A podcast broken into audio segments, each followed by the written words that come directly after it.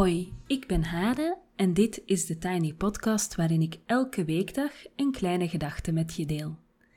Vandaag is het woensdag 28 oktober 2020 en de kleine gedachte gaat over mijn ervaring met morning medicine. Ik vertelde gisteren al wat ik zoal op een ochtend deed toen ik het boek Morning Medicine uittestte. En dat boek is geschreven door Angelique Heiligers en uitgegeven bij Lef Boeken. Vandaag evalueer ik dat een beetje en geef ik je ook enkele tips om zelf een ochtendritueel op te bouwen en ik vertel je ook over hoe mijn ochtenden er nu uitzien. De weg naar de hel is geplaveid met goede voornemens, dat zeg ik uh, elke dinsdag en ook vaak nog op woensdag. Ik neem jullie elke dinsdag en woensdag mee op de weg van mijn persoonlijke ontwikkeling en die weg is geplaveid met bijzondere therapieën en activiteiten. Van knuffeltherapie tot paardencoaching, van die keer dat ik helemaal ingepakt lag in doeken, tot de ochtend dat ik een boom omarmde terwijl niemand keek.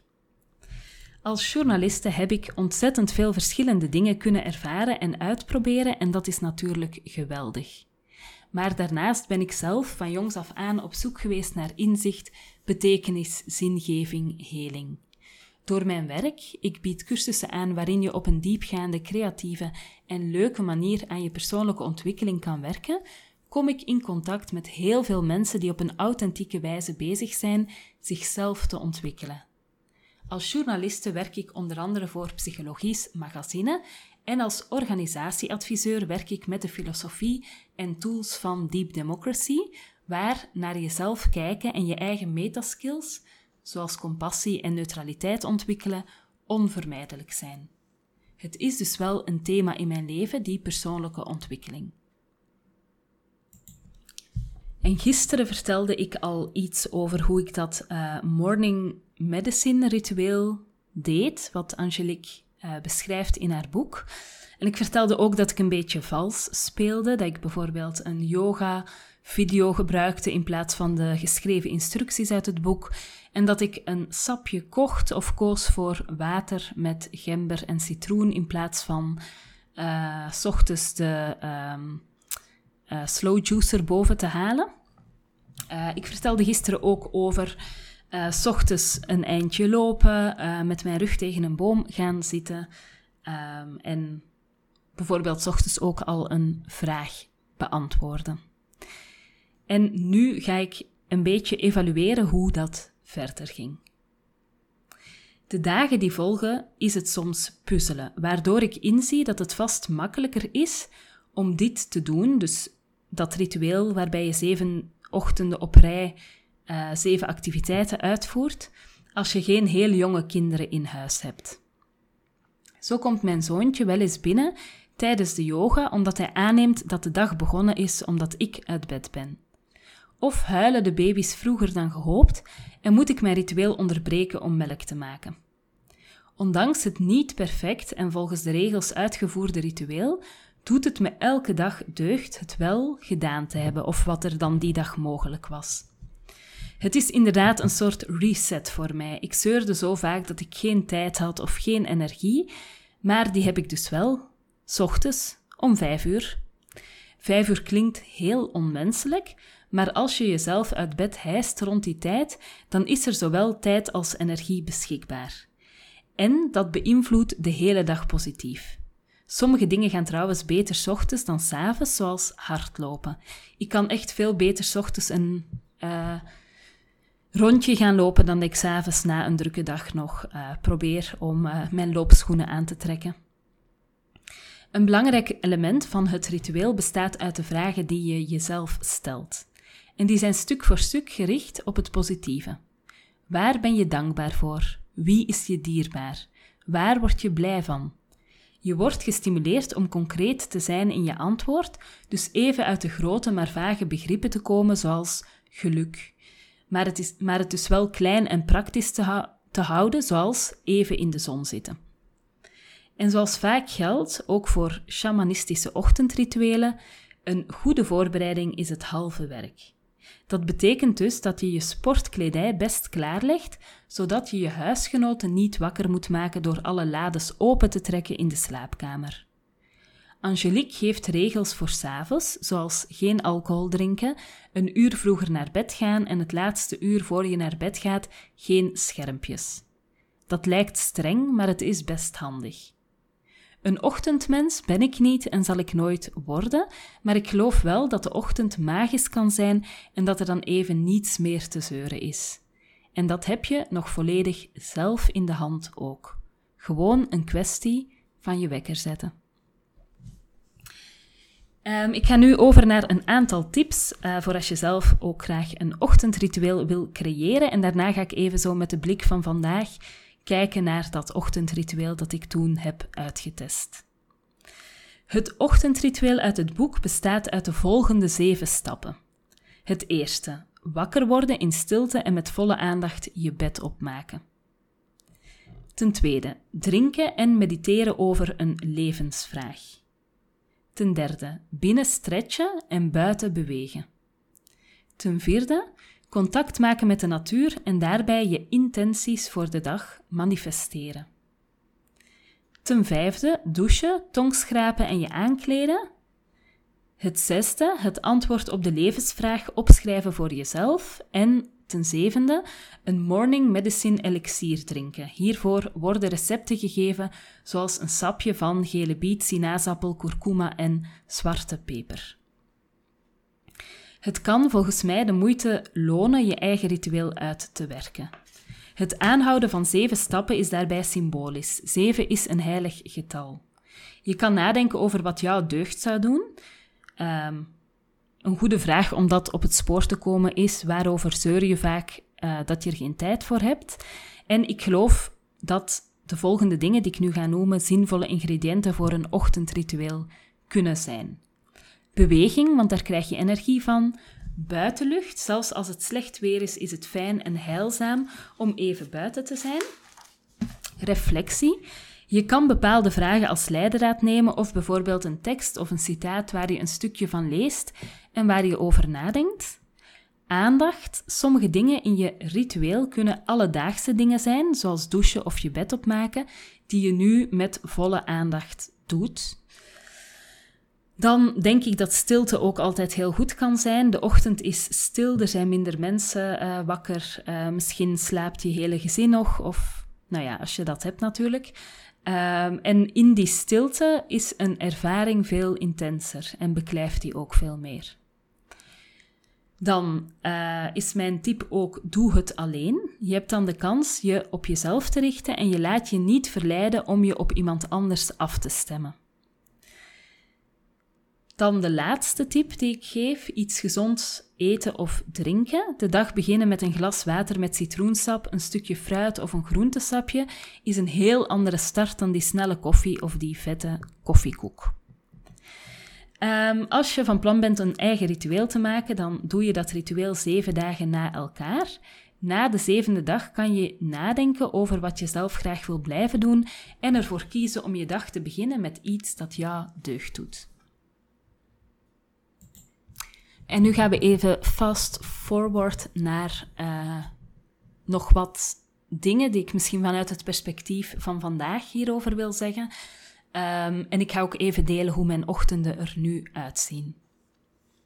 Eerst en vooral denk ik dat het heel belangrijk is om te kijken of dit plan, stel dat je denkt van oké, ik ga de wekker om vijf uur zetten, kijk dan of dit in je leven past. Stel dat je een baby hebt van vier maanden die nog niet doorslaapt, waar je zes keer per nacht voor wakker bent, dan is het echt gekke werk en ik geloof ook gevaarlijk en ongezond om dit te doen.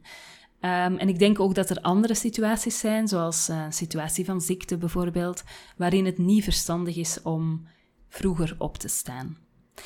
Nu, vroeger opstaan betekent niet per se dat je minder slaap krijgt. Um, ik merk zelf al een tijdje uh, of eigenlijk heeft dat toch, denk ik, ook veel te maken met het hebben van kinderen.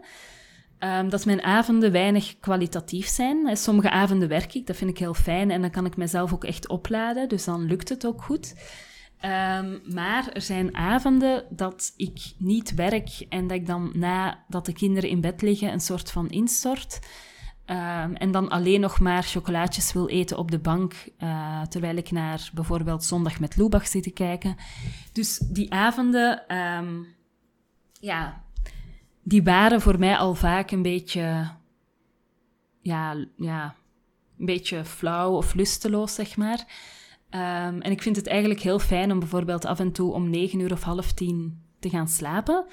Um, en dan om vijf uur zo helemaal ja, helemaal wakker en uitgerust uh, uit bed te stappen. En dat is natuurlijk, klinkt heel ideaal. En er wordt bij ons nachts natuurlijk ook nog wel eens door een kind gehuild dat er een uh, pop kwijt is. Of uh, ja, er is vaak ook wel wat aan de hand s'nachts. Dus dat hele ideaal van lekker slapen van 9 uur s'avonds tot 5 uur s ochtends, dat is ook een soort van utopie. Maar um, ja, ik merk dat het mij vaak wel deugd doet om op tijd te gaan slapen. Nu, mijn ideale situatie zou zijn dat ik uh, opsta om vijf uur en dan tot kwart na zeven bezig ben. Uh, dat ik vervolgens van kwart, voor, kwart na zeven tot negen uh, ja, met mijn gezin bezig ben. Dus ja, gewoon samen ontbijten, naar school, uh, aankleden, al dat soort dingen. En dat ik dan, en dat is dus mijn ideale situatie, van negen uur, dus ja, als, ja, zeg maar na het ochtendritueel met het gezin of na het ochtendgebeuren met het gezin, dat ik dan vanaf 9 tot de lunch ongeveer uh, werk. En dat ik daarna een paar dingen ga doen die goed zijn voor mezelf, zoals een wandeling maken, een boek lezen, um, gewoon voedende en fijne dingen. Of bijvoorbeeld samen met iemand koffie drinken kan ook zijn. Nu, hoe het op dit moment gaat, uh, is wel al wat richting dat ideaal, maar nog niet volledig dat ideaal. Um, ik sta inderdaad om vijf uur op uh, en ik begin dan met, of ik, ja, ik begin dan met mijn morning pages schrijven en daarna werk ik alvast wat. En dat is heel fijn dat je eigenlijk al een taak kan afvinken. Um, ik let er ook op dat ik dan geen e-mailtjes of zo ga beantwoorden, maar dat ik echt een, bijvoorbeeld een tekst afwerk of nou ja, iets ja, schrijf of iets uitwerk, zodat ik echt al een wezenlijke taak heb gedaan in de ochtend, uh, terwijl ik niet gestoord kon worden. Uh, daarna wandel ik naar huis. Um, en dat helpt mij om de overgang te maken. En dan is er zo het gebeuren met het gezin thuis. En daarna um, ga ik weer werken.